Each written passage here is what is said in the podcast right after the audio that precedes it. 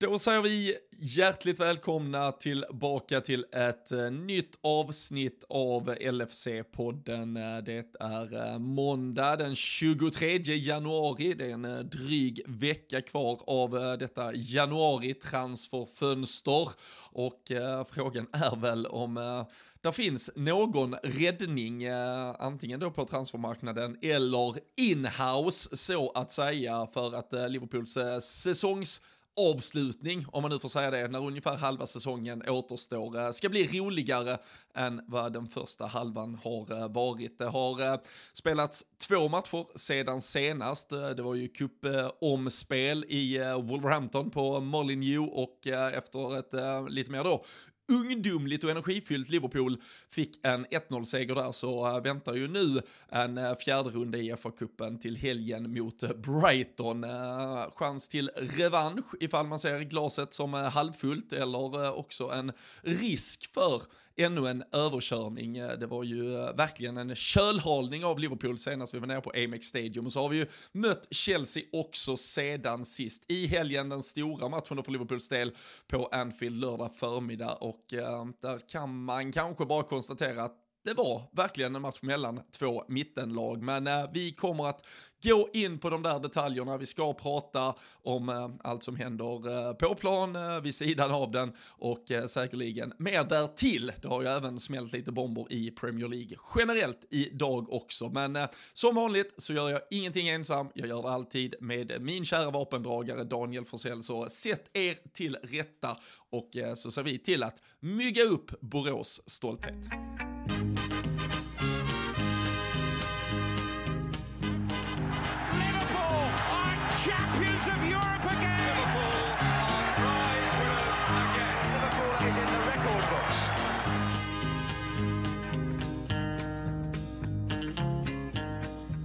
Ja, det känns ju som att man eh, helst eh, egentligen myggar av folk eh, nu för tiden, Danne. Men eh, där myggar jag gärna upp för att inte behöva sitta ensam och eh, dränka sorger kring Liverpools prestationer.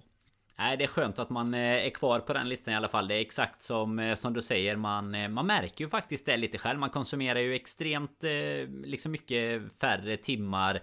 Tycker jag i alla fall. Allmänt flöde av nyheter, Twitter. Alltså kopplat till Liverpool då. Att man, man bara, nej, orkar. Alltså man orkar liksom inte. Och vi, vi pratade lite liksom inför här nu och, och sa ju det att som matchen senast är ganska det, det, är liksom ganska intetsägande. Jag vet att du skrev det på Twitter bland annat. Så det hann jag i alla fall snappa upp innan jag gick i, i sociala medier-dvala. Men eh, just att det, det är liksom man, man har inte så mycket att komma med i det. Alltså är man riktigt förbannad så, så vill man ju se att någonting händer liksom. Det är ändå ett transferfönster som pågår. Och går det riktigt bra då vill man ju bara se allt. Då vill man se de här eh, Sala 74 vinklar på målet mot Chelsea liksom. Men, men efter en sån här match så är det inte så jäkla mycket att eh, konsumera och inte så mycket nytt att konstatera heller eh, tycker inte jag. Så att eh, vi får väl se vart fasen vi ska landa idag. Det är ju eh, som du nämnde i introt här, det är Amex Stadium som väntar och eh, inga goda minnen i närtid därifrån såklart.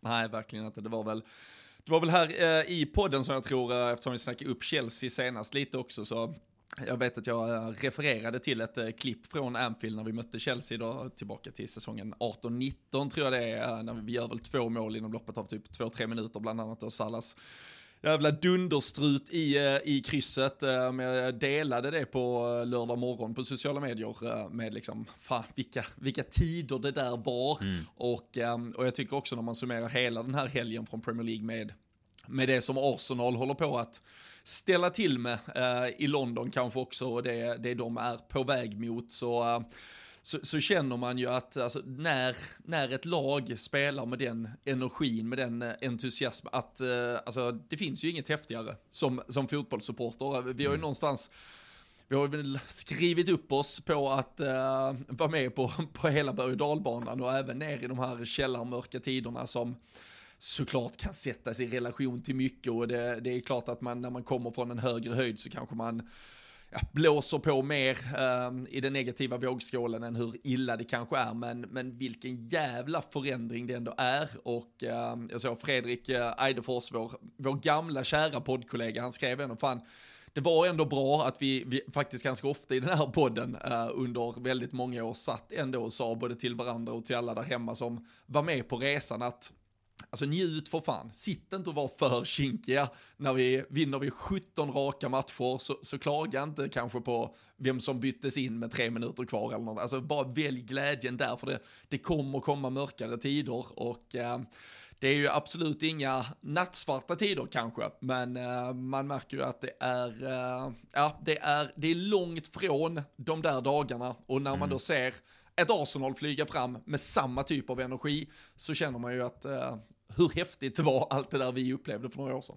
Ja men verkligen och eh, jag tycker också att det är eh, Alltså det svårare, du är inne lite på det dels i mitten Det är liksom svårare att eh, titta på någonting under tiden man är där tycker jag och uppskatta det under tiden som du också förväntar dig att du ska vara där. Alltså typ de sista åren här nu och det är därför också den här förändringen och, och den cykeln som kanske är på väg att ta slut med det här laget liksom. Eh, varför den gör lite extra ont och går, refererar man tillbaks till det klippet som var just mot Chelsea där det är ju fortfarande när vi visserligen är, är liksom eh, jo men halvt på topp. Vi jagar Premier League-titlar. Vi har vunnit eh, eller på gång i alla fall och ska vinna Champions League där och sådär. Och då hade man ju liksom då, då jagar vi ju fortfarande de här bitarna. Vi jagar den här Premier League-titeln alltihopa Och då, då är det klart att då har man ju kanske lite mer förhoppningar än vad man har förväntningar om man, om man jämför det också Och då blir liksom allt då, då, tycker jag det är mycket enklare att, också titta tillbaks på det och tycka att det var jävligt häftigt. Vi kunde njuta lite under tiden. Men det är därför också det här som vi pratade om lite. Vi,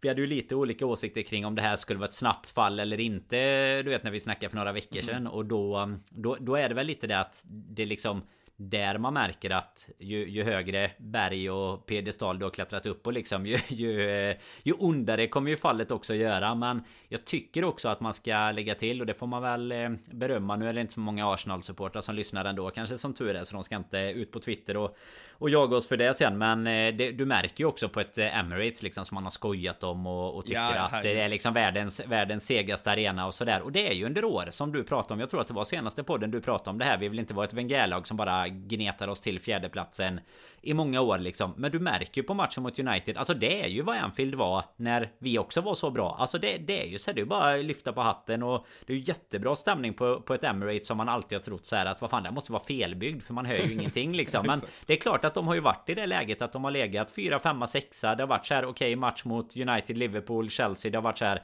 större matcher, men nu är det ju något. Det märks ju att det är någonting helt annat och det kan man ju bara gå tillbaka till 13-30 matchen där och konstatera att det tyckte inte Anfield att eh, Liverpool-Chelsea var för eh, det, jämför man det klippet som du delar och eh, ljudvolymen på på lördagens match där så hade det räckt med liksom de två minuterna och man hade fått njuta lite men det var väl knappt att det kom igång ens.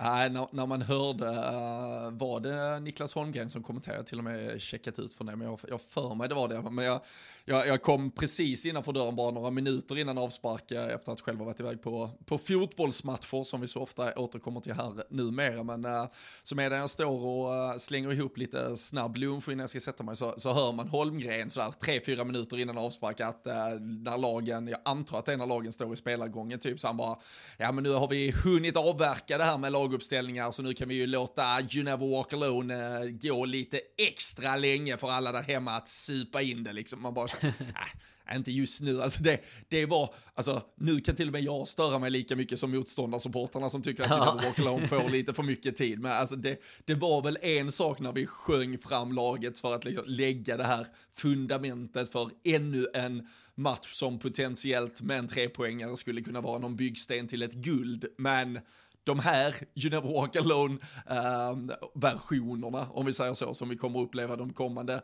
månaderna antagligen, de, de är helt okej okay att skippa Niklas. Vi, vi överlever utan dem. Ja men definitivt. Nu är det ju nu är det ju på sin höjd för de som är, är där och, och, på plats och kan sjunga liksom och, och som eh, Ja men som kanske är där för första gången och får uppleva det även om det är som du säger kanske är bättre tryck vid vissa andra matcher. Men, men att man i alla fall är där och lyssnar. Men kommentatorerna kan gärna få prata om eh, Om laguppställningar och annat under den tiden. För eh, nej det är eh, det, det är ju en eh, en liten dvala för allihopa liksom. Alltså för hela, ja men som jag säger det lite för För en själv nästan som supporter Det är Det känns ju som för laget och då, då känns det också på läktarna och och så är det ju jo, uppenbarligen här... alltid liksom. För ja. även för som ett Arsenal då som sagt som, som liksom pumpar på till och med på läktaren helt plötsligt. Då blir man ju chockad för mindre liksom. Ja, och just när man känner, det är ju någonting med både såklart prestationen, läget i tabellen, men också att man kanske känner att fyra, fem, sex spelare som ändå vi, vi tvingas lite lita till och ge en ganska viktig roll antagligen under andra halvan här av säsongen, vare sig vi vill det eller inte de ska liksom inte vara med sen.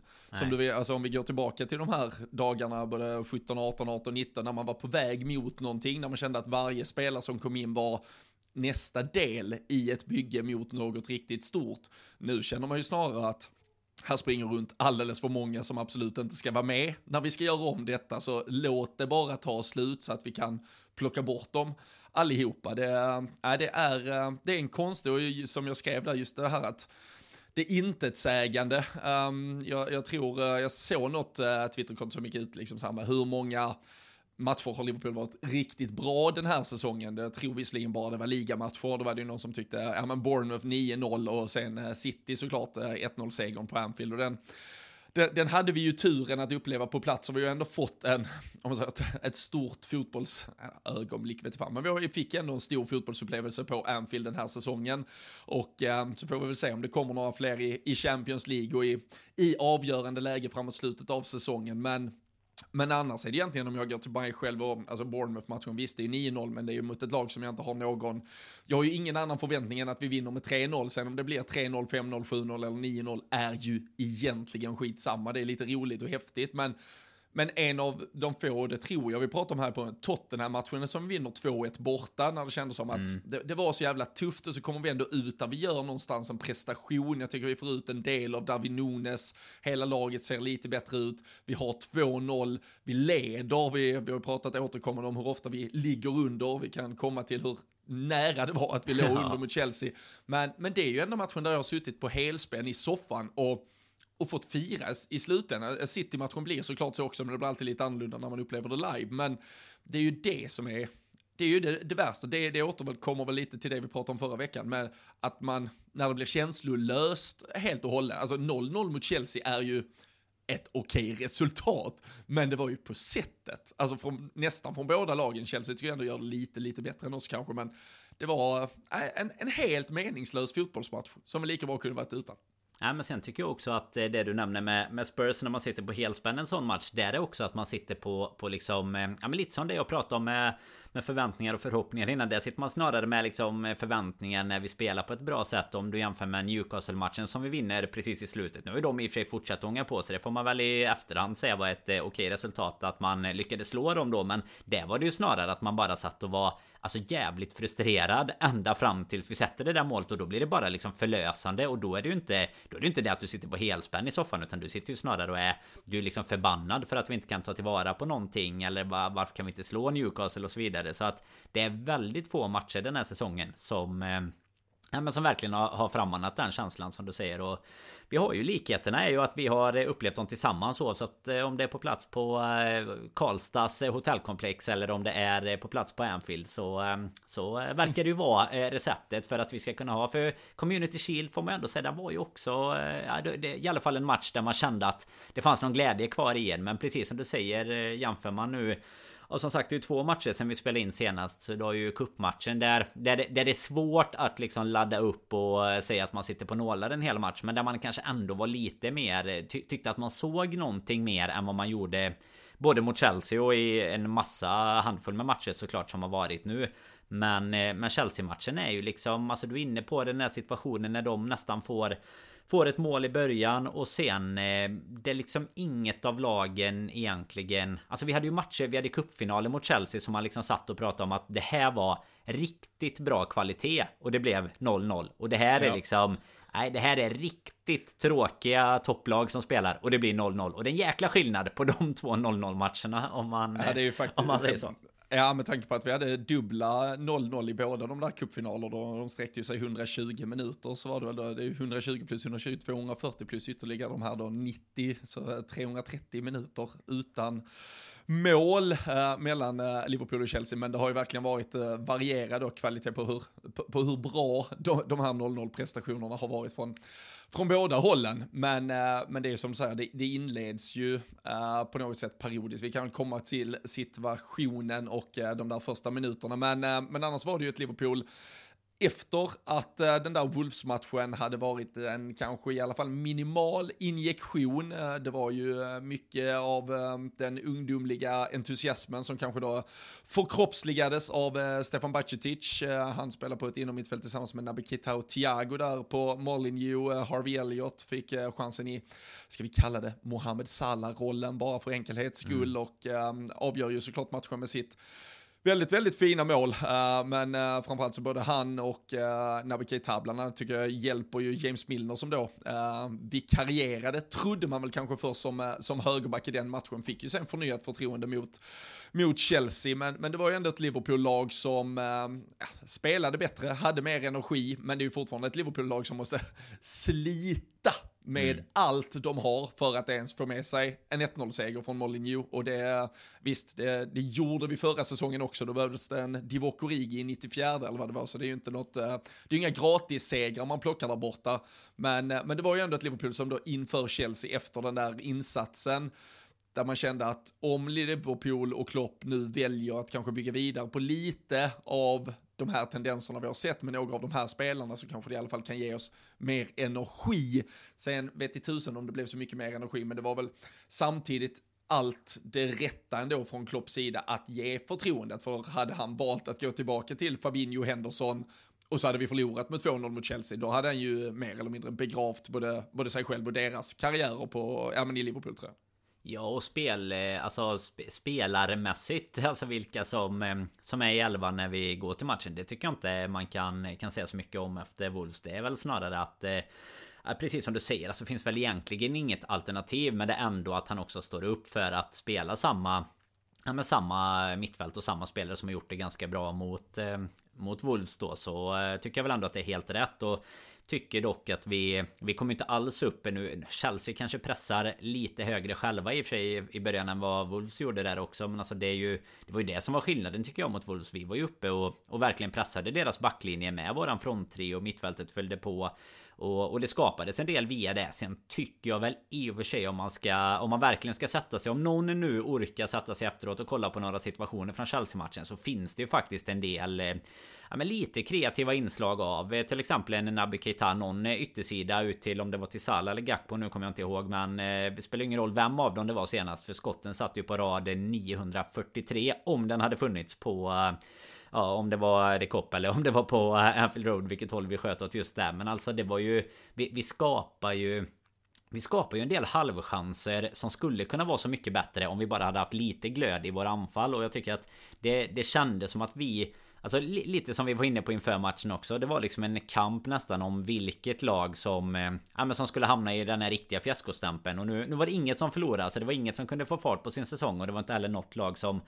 Som liksom kan gå därifrån. För som du säger, alltså 0-0 mot Chelsea är väl ett eh, helt eh, okej resultat. En, en vanlig säsong. Och för dem att komma till Anfield och spela 0-0 det är ju... Det är väl absolut okej. Men eh, det, det var ju inget som något av lagen ville ha. Just den här gången i alla fall. Nej, nej, verkligen. Um, jag tänker, jag, eh, jag var ute och, eh, inte svingade ska jag väl inte säga, men jag, men jag tyckte efter första halvlek att um, Cody Gakbo lite, uh, ja men, blir, blir lite av en symbolspelare för det här, om vi säger, nya, fullständigt energilösa Liverpool-laget. Uh, det är såklart, alltså, han ska inte bedömas på att han kommer in nu och gör ett par matcher i ett helt dysfunktionellt lag där lekkamraterna inte är de som eh, nog varken Klopp eller eh, han själv eller någon hade tänkt att eh, dels att de är, vilka det skulle vara, men sen såklart också att de skulle vara och spela på en eh, väldigt mycket högre nivå. Men, eh, men det ser ju ganska kantigt ut jämför man med mm. en Liverpool från trio som en gång i tiden var Mané, Firmino och Salah så har vi återkommit till vad den byggde på med all sin ja, men, löpvilja, eh, hur extremt man kunde pressa och vilket, eh, ja, men, vilket jobb man la i både eh, offensiv och defensiv, även med injektioner som har kommit in de senaste säsongerna med Jota och Luis Diaz som har haft de här energispelarna kring Darwin Nunes så, så brinner det alltid, även om det kanske är lite mer av en enmannacirkus än, eh, än att han har synkroniserat med offensiven i övrigt. Men, men Gakpo känns ju som något helt annat äh, än äh, de här övriga spelarna. Och jag, jag har gjort ett litet minigräv här Danne som jag tänker att du ska få äh, bedöma och se om vi, du vill göra några slutsatser kring. Men jag har tittat på offensiva spelare som har kommit från holländska ligan till Premier League. Och det är inte, ja, du, du får väl eh, bedöma själv vad, vad det här då ger Cody Gakpo för chanser att uh, lyckas. Men uh, jag tror det är de 11 eller 12 dyraste offensiva spelarna som har lämnat Eredivisie för Premier League helt enkelt och vi kommer komma till två som absolut är lyckade men sen är, sen är det lite kämpigt för dyrast Anthony till Manchester United. Det, det, är väl inte succé än så länge kan vi Nej. säga. Sen eh, är det Cody Gakpo uh, därefter. Vi får ju se vad det blir av det. Sen har vi Hakim Ziyech till Chelsea. Donny van de Beek till eh, Manchester United. Memphis Depay till Manchester United. Steven Bergwijn till Tottenham. Davi Klasen till Everton. Luis Sinisterra till Leeds och Vincent Jansen till Tottenham det ska jag säga, alla de här är från de senaste 4-5 åren ungefär. Sen har vi ju även eh, Rud van Nistelrooy, han kommer typ eh, 7-8 på den här listan. Det var 20 år sedan när han gick till Manchester United ungefär. Och såklart Luis Suarez som för dryga 10, 11, 12 år sedan gick till eh, Liverpool. Men eh, ja, vad säger du där? Det är ju inte... Det känns ju inte som garanti på att eh, en eh, bra offensiv spelare från Holland kommer att lyckas i Premier League längre. Nej, det får man ju verkligen säga. Med, med tanke på eh, de eh, namnen som du rabblar upp där så är det väl eh, egentligen ingen som man kan ja, men kan ge någonting över något, eh, någon godkänd nivå i alla fall om det nu är någon av dem som har hamnat på det. Det är väl eh, van de Beek som gjorde sin första bra match i United och sen drog, eh, jag vet inte vad det blev, men det blev i alla fall säsongsavslutande om det var något korsband eller vad det var som, som gick. Men alltså det är ju ingen egentligen av dem. Nu vet jag inte hur många namn det var du, du fick ihop där innan du kom ner mot van Nistelrooy och dem, men det var väl en 7-8 stycken som ingen av dem egentligen är liksom på, ja, men vi har, jag, jag, jag godkänt liksom. Det, det, är de elva dyraste offensiva spelarna som har lämnat Holland för Premier League, varav då Nistelrooy och Suarez ligger typ eh, sjua och nia, men det, det, är ju i stort sett de alltså tio dyraste ja. som har floppat egentligen allihopa. Ja men precis. Resten där är ju egentligen inget eh, att ha Inget skriva hem till Holland om eh, direkt Utan kanske snarare skicka hem till, eh, till Holland i så fall. Men eh, Nej sen är det väl Alltså det är väl alltid så man eh, Nu vet jag inte om du såg eh, det Jag scrollade förbi det tror jag på Twitter någon gång där när eh, när Bojan Djordjic eh, intervjuar Kulusevski här nu med Ja lite snack eh, Det var väl här för någon vecka sedan eller två eh, Kring Kring hans start i Premier League och sådär och, och liksom hur snabbt det går och, och alla sådana bitar så att det är klart det är mycket det är mycket att komma och anpassa sig till om man jämför med, med holländska ligan. Men det är klart att många av de spelarna du nämner, de, har ju, de fick ju också sina chanser och har ju fått sina chanser. Eh, Anthony kanske också är lite kort än så länge att säga huruvida det kommer kommer bli något eller inte såklart. Men eh, och, och detsamma gäller ju Gakpo. Men det... Nej det är, det är ett guldspadegräv i alla fall. Som, ja, ser, som, som kommer att belönas om kanske fem år. För man, vi måste ju ha resultatet först. Men jag tycker ju också att det du är inne på först där kring honom. Att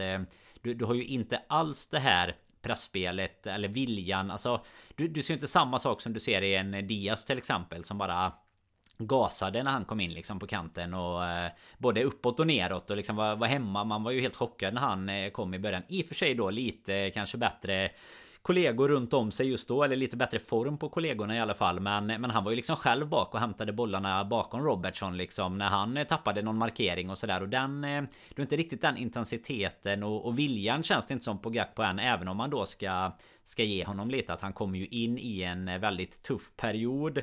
Hur mycket som är hans fel och inte det kan man ju verkligen debattera. Jag läste någonting idag om att Salah inte hade haft ett skott på mål på de tre senaste matcherna. Liksom det är ju så här, det kan ju inte ha hänt ja, och... någonsin sen när han kom. Nej men det, innan, det tror jag liksom. inte det har. Och han, eh, han snittar väl dessutom typ 0,2 mål per match på Anfield den här säsongen. Vilket uh, har legat över 0,5 sen han anslöt för, vad är det, fem och ett halvt år sedan? Mm. Sex år sedan. Nej men jag menar så, det. Du, du, har ju liksom problemet eh, att, ja men att det är så många på en gång som, alltså det, det, det är ju verkligen saker som inte fungerar och eh, komma in i det då. Sen hoppas man ju såklart att en spelare, alltså alltid att en ny spelare ska komma in och ge någon sorts eh, lite extra energi i alla fall. Om inte annat för sin egen del för att visa att att han förtjänar en plats för eh, just nu i alla fall med Jota och Diaz tillbaka så, så är det ju tufft att se och även Darwin då med ja, nu när han eh, kunde komma in här sist så, så är det svårt att se att Gakpo ska spela någon plats i fronttrion om eh, två månader liksom. Nej, nej, jag, ehm, jag tyckte ju faktiskt eh, kanske redan inför matchen nu nu är det väl, eller var väl, uh, troligtvis så att uh, Nunes inte var redo för några 90 minuter eller ens kanske några 75 och därav inte kunde få starten. Men uh, jag hade ju faktiskt gärna sett, eftersom jag tyckte att Harvey Elliott gjorde det ganska bra i den högerytterrollen mm. han spelade mot Wolves och han var ju klart sämre i vänsterytterrollen och sen tycker jag det blir märkligt när vi väljer att plocka av Keita för att sen flytta ner Elliot i den rollen där, för jag tyckte Keita hade fått, fått det där mittfältet att fungera ganska ja. bra. Det kändes som att vi hela tiden klistrade ihop det fast lite på fel sätt, för jag hade ju gärna sett Nunes till vänster, Elliot kvar till höger, och så hade vi eftersom att det också har gått stiltje i, i allt kring Mohamed Salah, att vi istället hade puttat in han centralt, vilket vi har gjort lite då och då eh, genom åren när man har behövt eh, ja, men tända gnistan kring honom. Eh, det, det, hade väl absolut inte varit någon garant för eh, varken eh, mål eller succé, men det känns ändå som att det behövs göras någonting och eh, i det här läget när man då dessutom,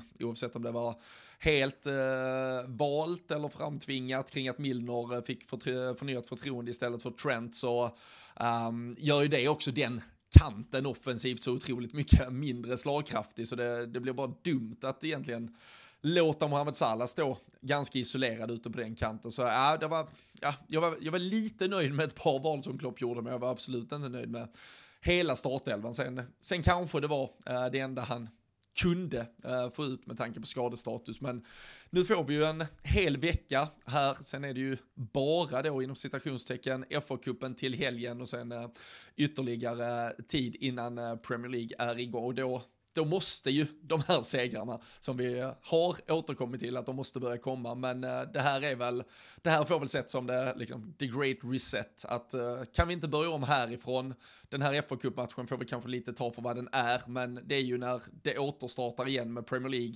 och ganska snart därefter, vi är en månad bort till Champions League-slutspelet till exempel. Det är ju, det är ju då vi måste se något, för annars kommer det bli en långsam plåga av att se samma jävla målarfärg torka vecka in och vecka ut tills säsongen tar slut. Nej, men verkligen, jag, jag tycker nog att jag redan har hamnat lite i, eh, alltså att Premier League-säsongen är eh, Alltså kör det är ju att ta i men alltså att vi ska ta och knipa en av de här topp 4 platserna Det är ju ja, men inget som jag skulle skulle lasta in eh, mitt spelkonto på. Det är kanske precis det jag bör göra då För det brukar alltid gå tvärtom mot det jag, jag eh, tänker. Så att eh, det, nej men jag vet inte, alltså det är så pass Jag tycker ändå att lag framför oss ser så pass mycket bättre ut och eh, ja men lite som du är inne på Det behöver ju verkligen vända Sen kan jag tycka då istället att även om man inte är jättetaggad på att åka till Till Brighton igen så kan jag känna att FA-cupen då istället blir en eh, Ja, men det är en av titelchanserna vi ändå kan hålla i på något sätt då. Så att eh, det hade väl inte varit fel att kramla sig vidare där heller Men det kanske också är för att man inte har jättehöga förhoppningar på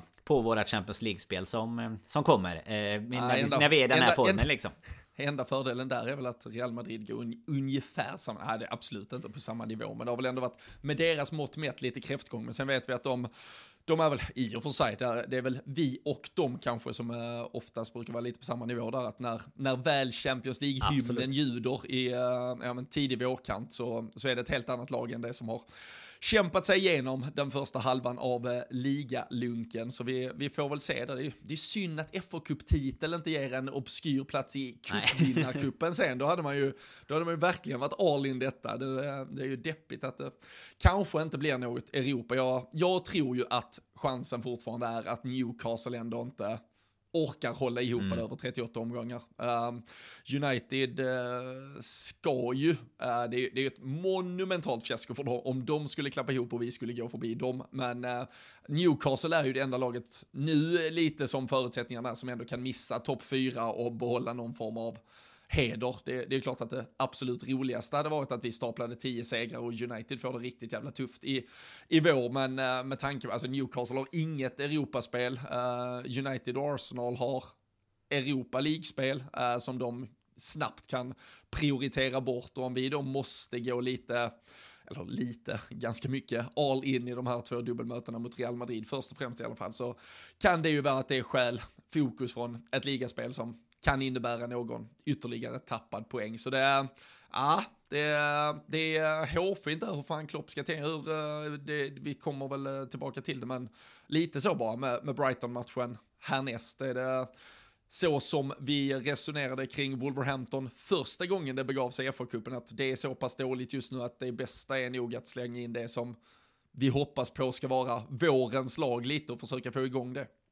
Så tycker jag ju att vi, vi ska göra Framförallt med tanke på tiden vi ändå har Alltså hade det varit mer tight mellan matcherna så hade jag kanske tyckt att vi Att vi kunde gjort på ett annat sätt Men nu har vi ju ändå både tid här innan och tid efter eh, lite på oss att eh, att ändå försöka få ihop det så bra som möjligt. Hinna träna ihop, hinna spela ihop. Så att det tycker inte jag att vi ska göra fler förändringar än vi än vi har tänkt att göra i resterande matcher. Det, det blir ju mer eh, det, det, blir ju alltså det, det är ju också paradoxalt att säga om vi går längre i kuppen Men det blir nästan mer viktigt att och i så fall eh, variera lite när vi väl börjar närma oss både att vi ska hålla beroende på hur det har gått i ligan då tillsammans med att vi ska eh, ställa oss mot Real då. För då när det, om det blir väldigt mycket matcher det är ju inte det är inte fler matcher i schemat vi behöver egentligen med tanke på att vi dessutom har lite hängmatcher kvar i, i ligan. Men jag tycker att vi ska försöka, alltså vi Typ som Salah till exempel som vi är inne på. Alltså vi behöver ju försöka få igång honom om det då är i, i en sån match eller i någon annan match. Det, vi, vi behöver få igång lite självförtroende och lite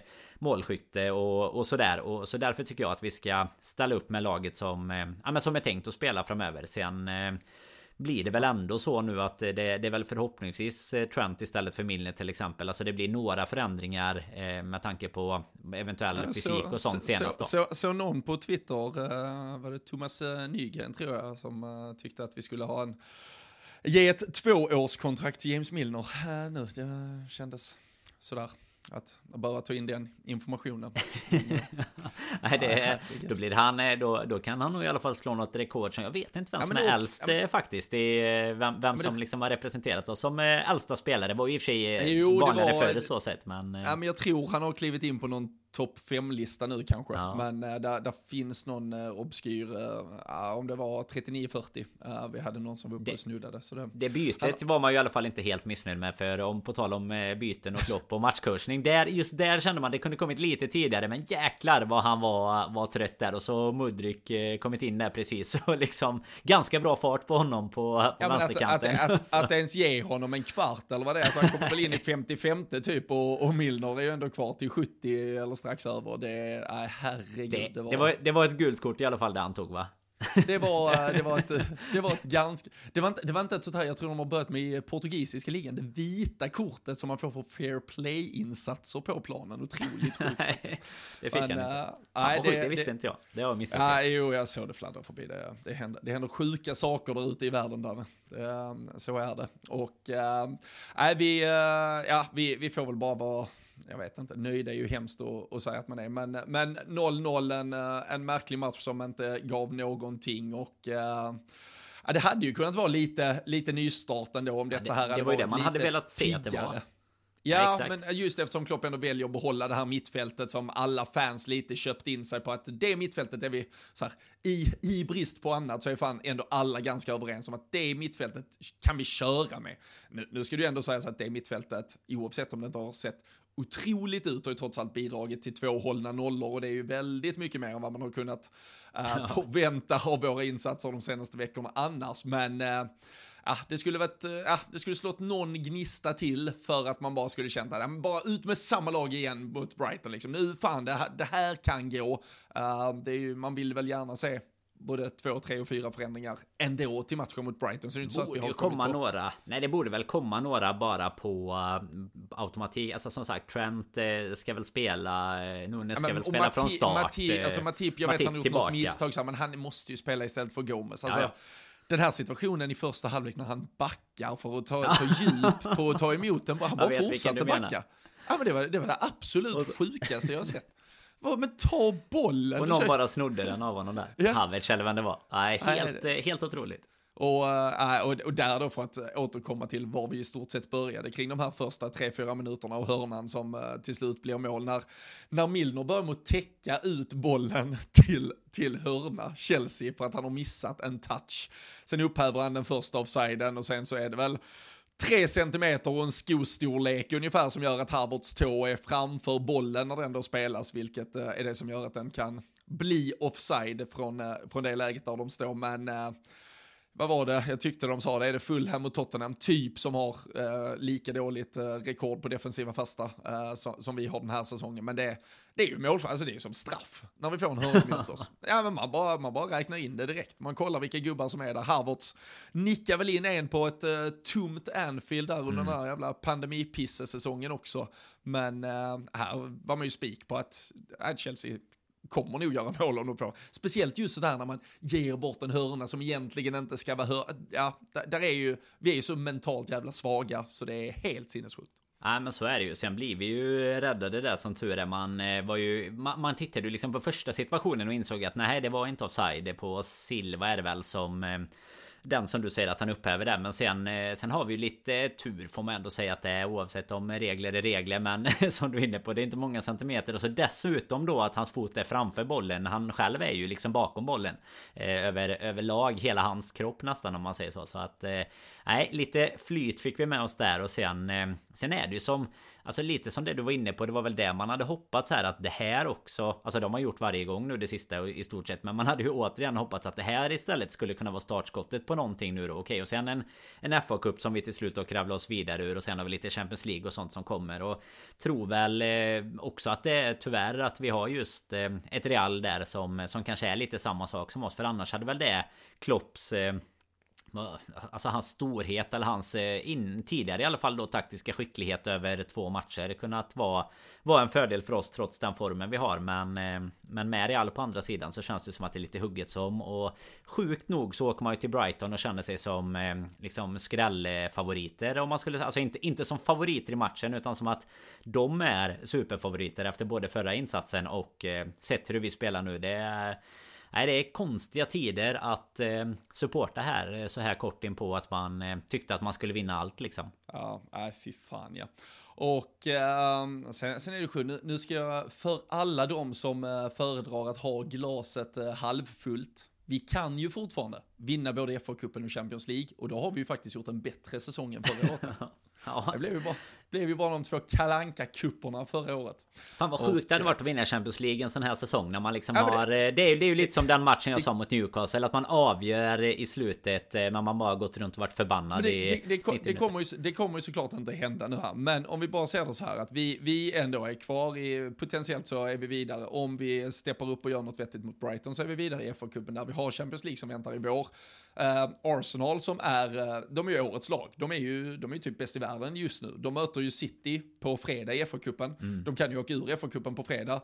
Och sen så, de ska möta City två gånger i ligaspelet. Det kan vara att City börjar knappa sig förbi. Alltså, tänk om Arsenal slutar med att uh, komma, komma tvåa i ligan och semifinal i Europa League är det bästa de gör av den här säsongen. Alltså det, det är ju så sjuka marginaler. Och sen den resan de är ute på, och det är ju det folk måste fatta, för det, det tycker jag ändå vi har pratat om förr med hur häftiga alla de här resorna alltså inte resan i, i form av att du ska flyga flygplan och bege dig till en stad, det får man gärna göra också, det är jävligt roligt när man gör det, men, men resan med att följa ett lag, att få ja. ha så många apps, alltså ha så många lördagar och söndagar där där livet fan bara pir, alltså det bara spirar och bubblar och pirrar i dig. Och det upplever ju Arsenal nu. Sen, sen var det slutar, det, det, får vi ju se, men det, mm. det finns ju en, alltså så här, det skulle inte vara helt omöjligt om att Liverpool typ vinner FA-cupen och att Arsenal vinner ingenting. Alltså det är fortfarande OK-odds på det. Men fan vad de har haft det mycket roligare. Så det, alltså, ja, kom inte och ja, säg att...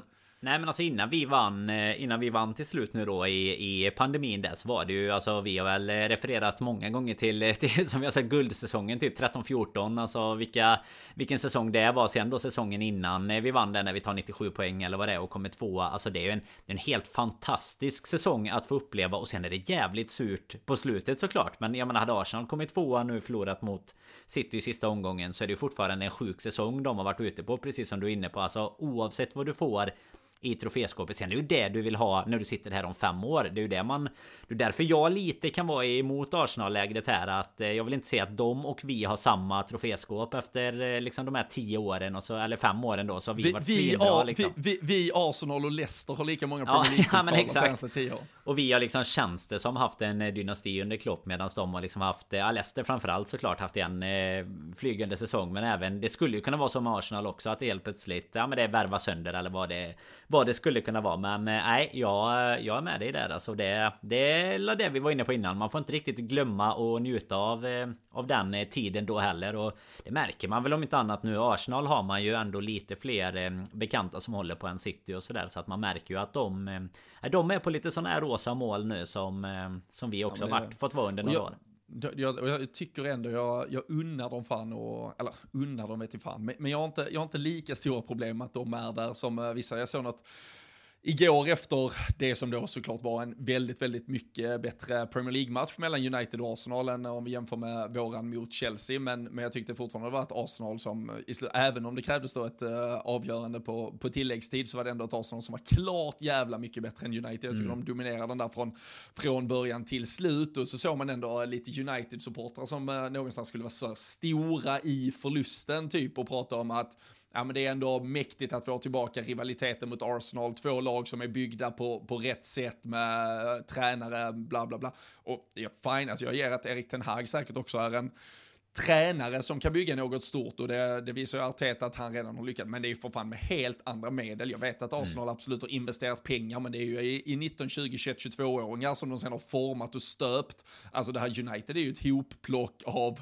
av världsstjärnor som får vi alltså med jävla centrallinje med Varann och Casemiro, Bruno Fernandes, alltså det är ju spelare de har köpt svindyrt. Anthony nämnde vi tidigare, till exempel Jadon Sancho sitter där i någon, i någon frysbox någonstans och så. Och så där, ja.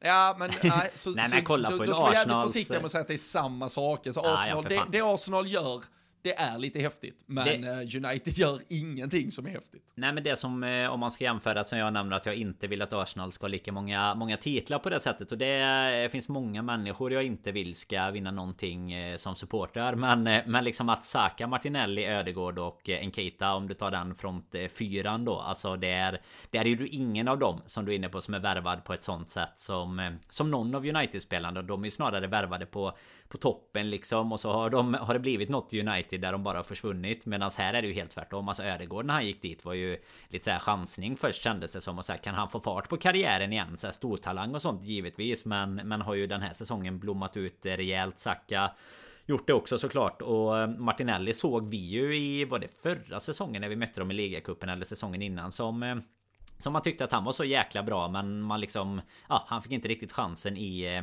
i A-laget i ligan då. Men nu har ju alla på en gång. De har ju fan till och med fått Gabriel Jesus innan han skadade sig i VM där. Då ser jag ut som en fotbollsspelare. Så att... Eh, Jesus både på och utanför planen just nu. Men Arteta undrar man ju fan inte heller mycket heller. Ska vi ju ska vi säga. Jäklar. Täppe-kopia ute på kanten. Ja, finns väl en del som kanske känner att uh, Jürgen Klopp har varit samma hypocrite genom åren när han ska vara så, så glad ibland och så är han fullständigt spritt fucking galen.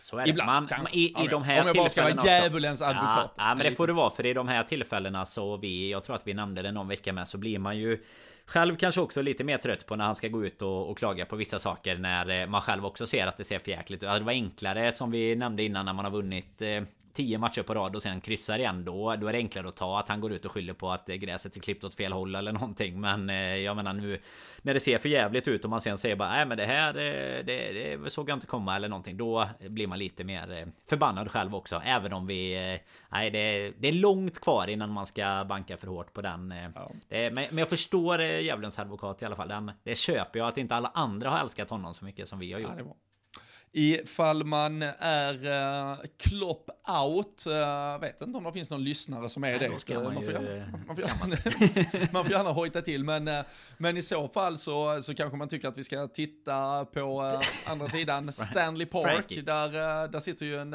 arbetslös tränare nu, men jag, har inte blivit riktigt klok. Det verkar inte ha kommit en officiell kommuniké kring, nu sitter vi här vid sjutiden och spelar in här på måndagskvällen, men alla betrodda journalister har väl i alla fall kommunicerat eh, det som då sker på Goodison Park, att eh, Frank Lampard får eh, sparken från jobbet som Everton-tränare och Ja, alltså, han har alltså tagit 35 på, han är, alltså, de, de får ju vara glada att han gör två halvor i klubben och att det är på något sätt, och inte, ja men alltså två halva säsonger och inte ja. en hel säsong, för han gör på 38 matcher, så han har ju alltså kommit upp i en exakt hel säsong och eh, han har tagit 35 poäng. Det, det är vad jag inte orkat kolla, men man brukar väl prata om 40-strecket för att eh, säkra ett kontrakt i ja, alla fall.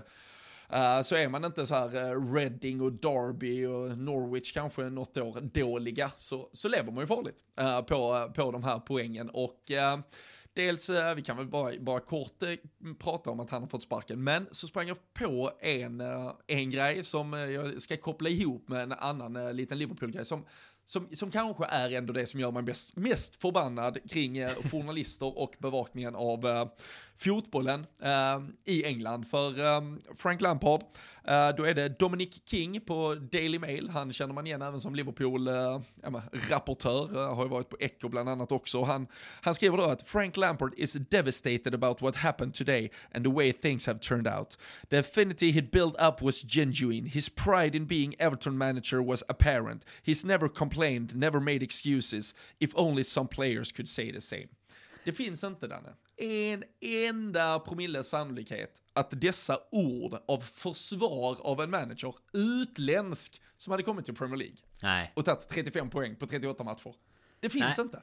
Nej. Det händer inte. Nej, och det är men... vidrigt. Alltså. Nej, det är faktiskt sant som du säger. Och det är framförallt när det är någon som hade kommit i... Eh, nej men i och för sig nu har ju han eh, gjort några andra sessioner, bland annat i Chelsea och sådär. Och också gått, gått åt helsike såklart. Men eh, alltså när du... Om du hade haft en helt ny manager dessutom. Så hade det verkligen varit så här. Honom vill vi aldrig mer se i, i Premier League. Han, han hade inte vad som krävdes liksom. Sen eh, du, du nämner alltså det... Det var rätt kul för du nämnde det här med säsongen. Jag vet inte om du eh, scrollade förbi den innan med. Men han Andrew Beasley på, på Twitter. Han eh, skrev ju igår att det är just det. Frank, Frank Lampard has completed a season at Everton. Och så har han dratt eh, poängsnitten då. Då är ju de tredje sist i ligan 0,92 poäng per eh, match av tre möjliga då såklart. Och eh, sen då dagen efter idag då så skrev han bara That season is over. så, men det är som du säger däremot. Jag var inne och kollade Everton nu. De har ju inte lagt upp något alltså än eh, så länge. Men eh, Paul Joyce har twittrat He's sacked Så att eh, då, då ska vi väl ha alla bekräftelser vi behöver i alla fall Men, för Nej, men det är helt inte... sjukt som du säger faktiskt. Men ja, det är helt för... sanslöst. Och för att inte bli uh, en, en Everton-podd utan uh, koppla tillbaka det så var det, uh, så sprang jag på lite från i morse, eller jag tror det var ett uttalande, jag vet inte om det var något uttalande i brittisk tv under helgen kanske, men det, det ska då vara eh, Carragher som har eh, pratat om Fabio Carvalho, eh, som eh, han fanns ju inte ens med. Han fick ju starten mot eh, Wolves där borta i, i veckan i FA-cupen och sen var han inte med alls mot eh, Chelsea, Darwin Nunes bland annat då som var tillbaka som eh, la beslag på en av de offensiva platserna. Men då då, eh, då är det att eh, Carragher citeras som att kalla Carvalho för “not a Jürgen Klopp player”. Uh, han, uh, han failing to even make the bench against Chelsea. Would it be best for Fabio Carvalho to be loaned out in the summer? Or do you still feel that he has a role to play? Det här är alltså en spelare som, eh, vi har ju pratat lite om hans eh, statistik under säsongen. Uh, han, han har ändå gjort uh, tre mål, han har totalt spelat ungefär 700 minuter, vad fan mitt svar det typ åtta fulla matcher ja. för ett A-lag uh, i ett fullständigt dysfunktionellt Liverpool. han är yngre än Curtis Jones. Han spelar på ungefär samma position, ganska lik i spelstilen egentligen. Gillar hellre att ha bollen kanske vid fötterna, vänder kanske ibland lite för ofta hem, eh, sånt där man kan frustrera sig på, lite, saknar kanske lite edge och, och slutprodukt. Men han har ju alltså bidragit med mer på då motsvarande ungefär åtta matcher än vad Curtis Jones har gjort på sina 70 senaste matcher. Gick jag tillbaka och tittade. Men återigen så har vi det här en spelare som kommer in, nu vet jag Fabio Cavallo har dessutom spelat med dubbla medborgarskap, både engelskt och portugisiskt, så det går ju inte att helt spela ut det kortet, men Curtis Jones gjort istället... engelsk fotboll också, alltså han, har inte, han kommer ju inte från eh, Portugal och, och ska lira, utan han kommer från Fulham. Nej, nej men, det, men direkt det då inte är, ja, att du heter Curtis Jones eller Fabio Carvalho istället, och så uh, är det, det, det, fan, det är olika Eh, regelböcker och framförallt olika måttstockar för, uh, för spelare och vilket förtroende man ska ge dem. Jag eh, blir uh, rätt så frustrerad på det faktiskt. Jo, och så har det ju varit eh, tyvärr. Alltså de senaste åren, det är ju samma som vi när vi har snackat om en, om en Pickford eller vem du än har, har kunnat vara i ligan när de liksom håller håller honom ryggen och hyllar och liksom att eh, Pickford var bättre än Allison ett tag och eh, utan någon substans liksom. Eh, sen just Carvalho där kan jag ju också, alltså ska man lägga till någonting där så är det ju precis som som det du kanske gräver dig lite mot kontra hur många matcher och så han har spelat och det var väl precis det vi var inne på innan säsongen att han ska ju inte heller ens ha en roll där det är prat om att han ska spela, alltså att han ska vara han, han, ska ju vara max på bänken typ i en match mot Chelsea. Han ska, det ska inte ens vara, han ska inte ens vara in contention för att starta i en sån match sett till vart eh, han är i ålder, utveckling och hela den biten. Utan han har ju på grund av att eh, laget inte ens har eh, fungerat liksom varit ett alternativ som har, har kanske fått spela mer än vad vi trodde. Vi har ju, har ju våra egna brighta gissningar inför säsongen som liksom redan är överträffade trots att han inte ens får spela så mycket liksom. Så att eh, nej, det är... Oh, Carragher också, ja det det är, ja men just att de, nej men just det är ju de, det, det är ju inte heller så här, det, det är både det, lika väl som att det är de brittiska spelarna och eh, tränarna och sånt som kommer i försvar så är det ju aldrig Det är ju aldrig Thierry som sitter i studion och klagar på eh, Carvalho kontra Curtis Jones nej, nej, det är ju britter på, på, britter på, liksom. Ja, ja, det är ju... ja, nej, det, Ja. Hö, höga hästar kring sina egna spelare. Sen också helt sinnessjukt eh, för att gå tillbaka där. Nu kommer jag inte ens ihåg vem du sa att vad var det Dominic King eller vem var det som hade ja. försvarat eh, Lampard? Alltså det går ju. Alltså all statistik förutom eh, var det vart var det han var innan detta Derby eller vart var han innan? Ja innan Chelsea, Chelsea innan, var han ju Derby. i Derby och där gör han ju det ja. ganska bra. Samtidigt så har han ju tittar man, ja, och det, det, är väl höna ägget diskussion, är det han som kanske får fart på en Mason Mount eller vem det är, men annars, alltså han har ju den typen av spelare, de hade ju Harry Wilson på lån från oss, de hade Mason Mount och någon till av de här unga Chelsea-spelarna mm. på lån, så det var ju ett extremt talangfullt lag han fick ihop i Derby som sen ryker väl i redan i typ, eller vad säger jag, playoff semifinal eller något sånt i, eh, från The Championship. Så det, det var väl ett bra och spelande fotbollslag, men det fanns väl också potential i det. Och eh, i Chelsea, visst, han släppte ju upp mycket talanger, men han fick ju absolut aldrig någon helhet att fungera där borta. Nej och det hjälper ju inte. Alltså det, det börjar ju Potter göra nu också eh, Med en del eh, yngre spelare. Men det i, i den typen av klubbar så Så tror jag inte att det räcker så långt egentligen Utöver att de måste ha lite homegrown på pappret då. För att eh, pengarna Pengarna finns ju uppenbarligen. Det är jäkla vad de spenderar och, och fortsätter spendera nu efter att de har nya ägare och transferförbud och allt är, hävda. Så att det, det behöver de nog inte tänka på egna talanger så mycket Mer än att de ska sälja dem för att få ihop någon financial fair play I slutändan med åtta årskontrakt och 50 gubbar på lån till Vitesse eller någonting. Men eh, nej, vi får väl se vart han hamnar. Tror du, eh, tippar du att det blir en eh, kan, vilka, vilka har vi som kan plocka upp eh, Lampard och vem hamnar i Everton då? Vi ska, jag har ju sagt i våran chatt där att Dyche, Sean Dyche hamnar i Everton för att riktigt ja, du vet så här. Det eller Duncan Ferguson som interim för att bara bronka sig kvar med världens fulaste fotbollsspel liksom. Ja, vad fan, var, var är Rooney nu? Är han i DC United eller något sånt skit? Han gjorde ah, ju det bra var... i Derby. Exakt, han uh, gjorde också bra i när, Derby. När de efter, hade sina jävla 22 minuspoäng eller vad fan ja. de uh, höll på. Han, så han var till och med bättre än vad Lampard var i Derby. Ja. ja, men det känner jag, alltså, de, eh, de ryktas ju även, eh, Everton, det vet jag inte om det har hunnit bli klart här nu, men de ryktas även eh, försöka plocka in Danjuma från Villarreal, är han väl nu i senast. Han floppar ju typ i Bournemouth, för så gjorde han succé där i Villarreal under den där förra årets eh, Champions League-vända när, när vi till slut mötte mm. dem eh, bland annat. Men uh, han, han ska ju, enligt rykten ska han ju ha krävt en försäkring på, han förstod ju att Lampard uh, levde farligt och på lånad tid kanske, men han skulle ha krävt försäkring på att det inte blir David Moyes som tar över i alla fall. ifall han ska, alltså, allt annat är okej, okay, men blir det Moyes då signar jag fan inte. Så det, han, men, han, han, ligger väl lite risigt till kan man ju tänka sig annars, men nu vann ju de matchen ja, exakt, Everton. Det var, ju... det var ju ännu värre ångestmöte än, äh, än vårat möte här som blev sista. Ja, det hade, hade väl kunnat bli en uh, nästan uh, exceptionell uh, tillställning på det sättet att ett kryss eventuellt skulle göra att båda tränarna fick sparken mm. faktiskt. Det, det, hade ju egentligen varit drömscenariot att, att få. Men nej, det räckte inte ens att Everton åkte och plockade en pinne mot Manchester City där kring nyår, utan det ser ut som att den sagan är över, men man vet ju att äh, typ äh, Duncan eller Rooney eller någon sån kommer komma in med sån jävla energi och så vinner de derbyt mot oss på Anfield sen och sen, sen bara faller de ihop igen. Det, det, det, är väl bara ett par veckor tills det är Tror du att det blir det? Tro, tror du att de ryker i år eller? Nu har ju halva säsongen gått drygt här och de har 15, 15 poäng på 20 matcher tror jag de har plockat ihop. Ja, nu är det, väl i och för sig ganska hård, hård konkurrens som har varit ja, dåliga där nere ja. det är ju rätt många, jag tror alltså upp till plats typ 15-16 så har du ändå lagen där på 17-18 poäng bara. Så det, ja, det finns väl tyvärr en risk att de löser det i slutändan ändå. Men eh, nej, jag vet inte fan. Alltså, Wolves ska väl bli bättre, West Ham ska bli bättre. Det är rätt många av lagen där ändå som ska bli bättre. De är fan en seger ifrån att kunna ligga på 14 plats med lite målskillnad faktiskt. Det är riktigt sjukt. 18, 18, 18, 17, 17, 15, 15 är tabellen. Så att det är alltså tre man, poäng man, mellan 14 och eh, sista platsen. Man tänker väl att det egentligen typ ska vara kanske, jag vet inte, Bournemouth, Nottingham och, och sen kanske det då blir ett till som, ett lag till som, eh, jag förstår att inget lag hade planerat med att åka ur, men det, det blir nog ändå ett lag som, där det kommer vara ett rätt, eh, en rätt stor jävla smäll i huvudet på dem, att de uh, åker ur. Uh, Leeds kanske, om de inte riktigt får rätt på det. Jo men det känns det som. Det känns som att det kommer, det kommer inte vara typ Bournemouth, Nottingham och eh, vilka sa du mer? Var det de två du sa?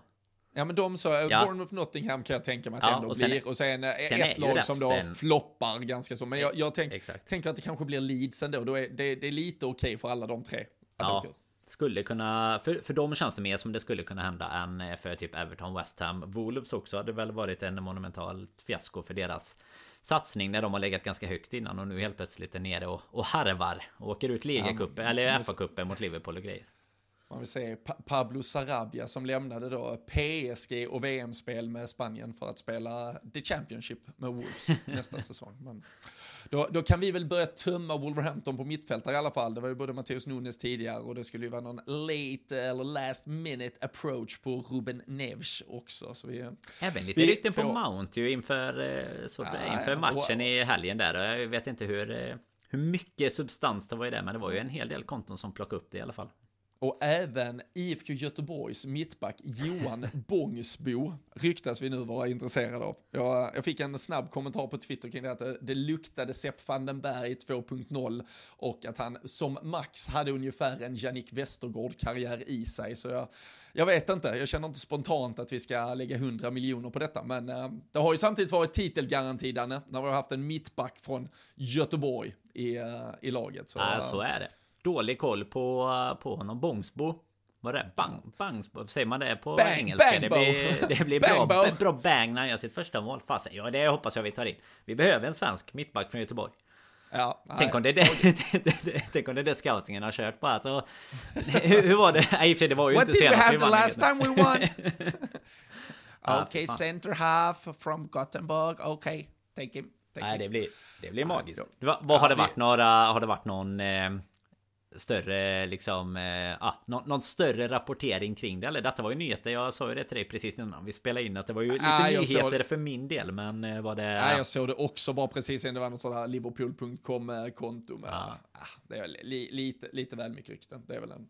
han, han gjorde väl, eh, jag är ju ingen konnässör av uh, varken allsvenskan eller uh, mer då obskyr svensk landslagsfotboll. Men uh, slog väl igenom med buller och brak i allsvenskan uh, den gångna säsongen, 19 bast och uh, var väl uttagen i den ja, alltid lika berömda januari-turnén. Tror dock han lämnade den på grund av skada. Men uh, här är det ju någon, någon som är mer insatt och initierad som får, uh, så, får fylla i om, om jag eventuellt missar någon. Men, ja, den här gången ju, finns det folk det som vet mer än oss i alla fall. Och, det, det är ingen spelare som går in och ersätter van Dijk, men det är ju alltid med, du vet så, ryktet är ju bara egentligen byggt på total bullshit och sen är det alltid någon liten sån här sista, han, han ser upp till van Dijk, bara säger, ja men det, det gör väl alla, alltså alla mittbackar tittar väl på de som är typ bäst i världen. Det är, oh. Alla människor tänkte jag. Det var som att Bellingham skulle bli den nya Steven Gerrard också. Eh, nej, fan.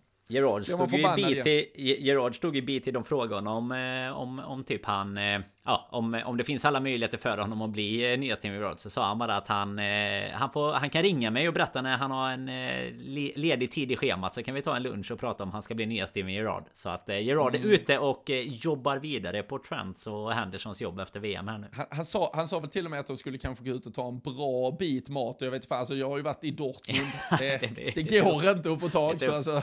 Han, han, har inte varit, han verkar inte ha varit ute och käkat i Dortmund. Nej, alltså ner i någon jävla kolgruva och käka dagens med gubbarna på bygget. Det, det, är där de löser det. För det nej. mycket, mycket, mycket fin smakeri håller man inte på med borta i Rur, det ska fan Det är fan tufft att hitta en, eh, hitta en eh, sorgligare stad eh, i Europa nästan, om man ska vara ärlig. I, ja, I alla fall i, i den biten. Det, det, de har gula väggen, eller vad kallas den? Kallas väl gula väggen, ja, deras... Eh, på arenan. Det är det de har. Och Bellingham då. Ja. ja, så är det. Uh, vi får hoppas att de inte har uh, båda de delarna uh, nästa sommar, utan då har de bara den gula väggen kvar och Jude Bellingham spelar för Liverpool istället. Men Liverpool spelar till helgen igen mot Brighton i FA-cupen. Vi kommer såklart tillbaka efter det. Vi ska, fan jag har glömt att rätta tipstävlingen från senast. Jag vet inte, tittade du ifall någon hade 0-0 mot Chelsea där? Eller ska Nej, ja, jag som jag nämnde här i början. Vi, vi får eh, kika det sen för som eh, du nämnde, eller som jag nämnde här i början så checkar man ju ut lite från eh, allt möjligt ja. här och det gällde får... fasen även våran tävling. Jag kan ju fylla i istället om att vi har ju, nu är det ju snart avspark i sista matchen för omgången, men vi har till 99% en vinnare i våran Royal League i alla fall har vi eh, som led, tror jag nästan lett hela tiden här. Mattias Almgren ledde i alla fall inför den här och inför förra omgången så han var eh, men... ute på jag såg att han var ute på Twitter med att han egentligen är uh, djävulskt kass på fantasy. Så det säger jag det jag vet inte jag vet inte om det bara är psykiskt uh, alltså krig mot uh, övriga han bedriver eller om han faktiskt på allvar menar att han har överträffat alla möjliga förväntningar här men den här säsongen den här säsongen är han i alla fall inte usel kan jag säga. Han eh, ligger i alla fall inom några någon topp eh, översta halvmiljonen här. Det får man ju i alla fall ge att det inte är helt helt borta. Men sen har han nog dratt lite. Jag tror att han drog något wildcard och sånt i sista här, men eh, jag tror det är någon lite längre ner som skulle kunna få typ ett Kulusevski hattrick och gå förbi honom. Men annars Annars sitter han säkert med tre Newcastle i ja, backlinjen. Det har ju varit ja, framgångsrikt. Mycket, men, äh, men då, då ska vi sätta oss här i, eh, i veckan och rätta tipstävlingen från Chelsea-matchen. Äh, kan ju bli att det får lottas lite där om det var fler på 0-0 och så ska vi väl i så fall ifall Mattias håller undan så hör vi av oss till honom så får han välja något schysst från Sam Dodds äh, lilla presentbutik också. Så vi, äh, vi återkommer till alla vinnare från äh, då dagarna som varit här och äh, kan väl också bara skicka med så att äh, Guldskölden, svenska fans priser som de delar ut till folk som är aktiva på den stora svenska sporthimlen har öppnat upp för nomineringar och eh, gillar man LFC-podden får man ju jättegärna nominera LFC-podden som ens favoritpodcast som man lyssnar på. Och eh, ja, men annars också kan man ju nominera alla man tycker om i media-Sverige, andra poddar man lyssnar på eller folk man tycker gör det bra i eh, tv-svängen eller på sociala medier. Men eh, lyssnar man på LFC-podden, gillar det vi gör här så får man jättegärna nominera på eh, Guldskölden. Eh, länkar lär ni hitta på sociala medier överallt och eh, Gillar ni det vi gör så blir vi såklart också sjukt glada ifall ni går in på eh, patreon.com slash LFC-podden, visar ert stöd där så eh, kan vi fortsätta leverera avsnitt vecka in vecka ut oavsett var på den långa berg och dalbanan av känslor som Liverpool befinner sig. Men eh, vi hoppas att vi är någonstans på en platå som ska gå åt rätt håll från här. FA-cup till helgen som sagt och sen tar vi nya tag igen. Men eh, stort tack för att ni är med oss fortsätt lyssna, sprid våra avsnitt och eh, så hörs vi och ses vi snart igen.